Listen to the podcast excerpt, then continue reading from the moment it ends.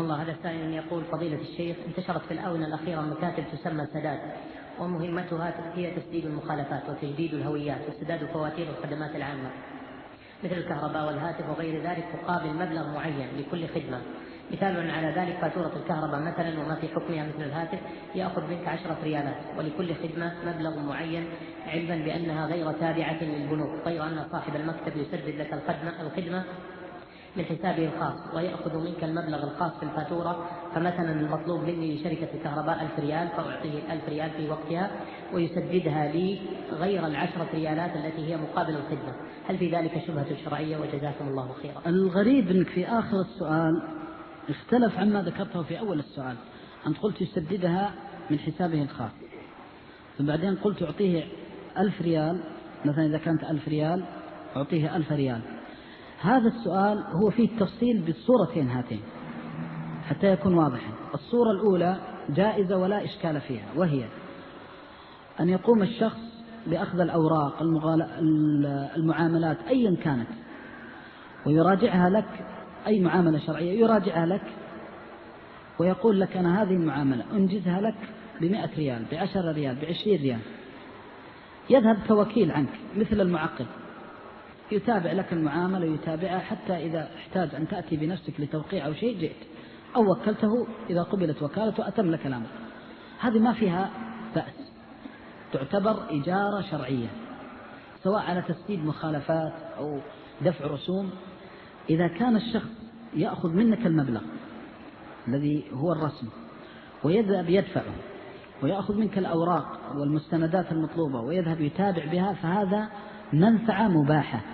كانت على شيء مباح إجارة للقيام بمنفعة مباحة. كما لو قلت له خذ هذه الأوراق وأوصلها إلى أبي أو أوصلها إلى عمي ولك عشر ريال. هذه إجارة. بدل أن يوصلها إلى فلان أوصلها إلى المكتب سواء كان دائرة أو غيرها. هذا ما في بأس. لكن يشترط فيه ما يشترط من الإجارة من تحديد العمل وتحديد الأجرة. تكون أجرة معلومة وغير ذلك من الشروط المعتبرة. الصورة الثانية أن صاحب المكتب هو الذي يسدد عنك. وهو ما سدد عنك إلا لمنفعة أن يأخذ العشر ريال أو المبلغ الذي يطلبه. فيكون هذا باشتراط من نفس الشخص يقول له سدد عني وأعطيك آه، أعطيك عشر ريال على تعبك. صار كأنه أعطاه على دفع الدين فائدة. لأنه إذا قال له سدد عني فحينئذ أصبح مديونا له. وإذا أصبح مديونا له لم يجز أن يعطيه أكثر من الدين شيئا. لأن القرض إذا جر نفعا فهو ربا. الفرق بين العقود معتبرة. اللفظ الواحد الطريقة الوسيلة تغير الحكم من حلال إلى حرام. فإذا صار مدينا جرى عليه ما يجري على الدين. وإذا صار مستأجرا جرى عليه ما يجري على ثمن الإجارة. فأنت في البداية تقول أنه هو الذي يدفع. ثم يأخذ منك هذا يندرج تحت المحرم لأنه صار قرضا جر منفعة ولذلك في هذه الصورة قد تكون الأجرة بعشر ريال فيقول لك أسدد عنك وأخذ منك خمسة عشر. ويطلب فيها منفعة له حتى ولو كانت إجارتها بعشرة لم يجز لأن جاءت على ثمن الدين والقرض فلها حكم القرض. إذا تعامل الناس على ثمن القرض أخذوا حكم القرض. وإذا تعاملوا على ثمن الإجارة أخذوا حكم الإجارة فأنت تنظر في العقد الذي بينك وبين هذا الشخص.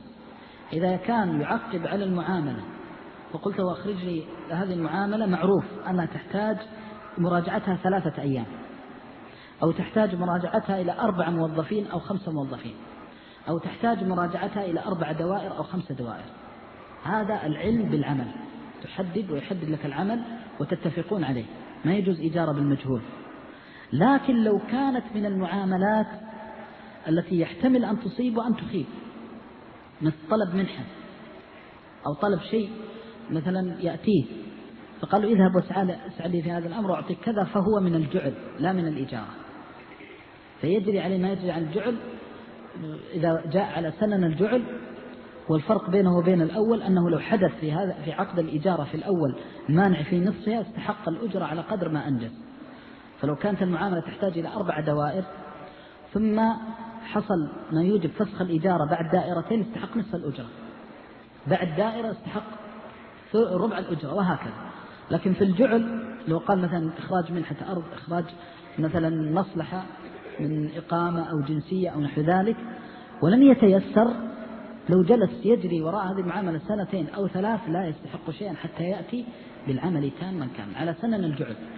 هذا الفرق بينها في تارة تكون من الربا إذا كانت على سنن القرض وتكون على سنن الإجارة إجارة إذا كانت بالمشروع وتكون على سنن الجعل إذا كانت على عمل محتمل الحصول وعدمه على الصورة التي مثلنا لها وآخر دعوانا الحمد لله رب العالمين. صلى الله عليه وسلم.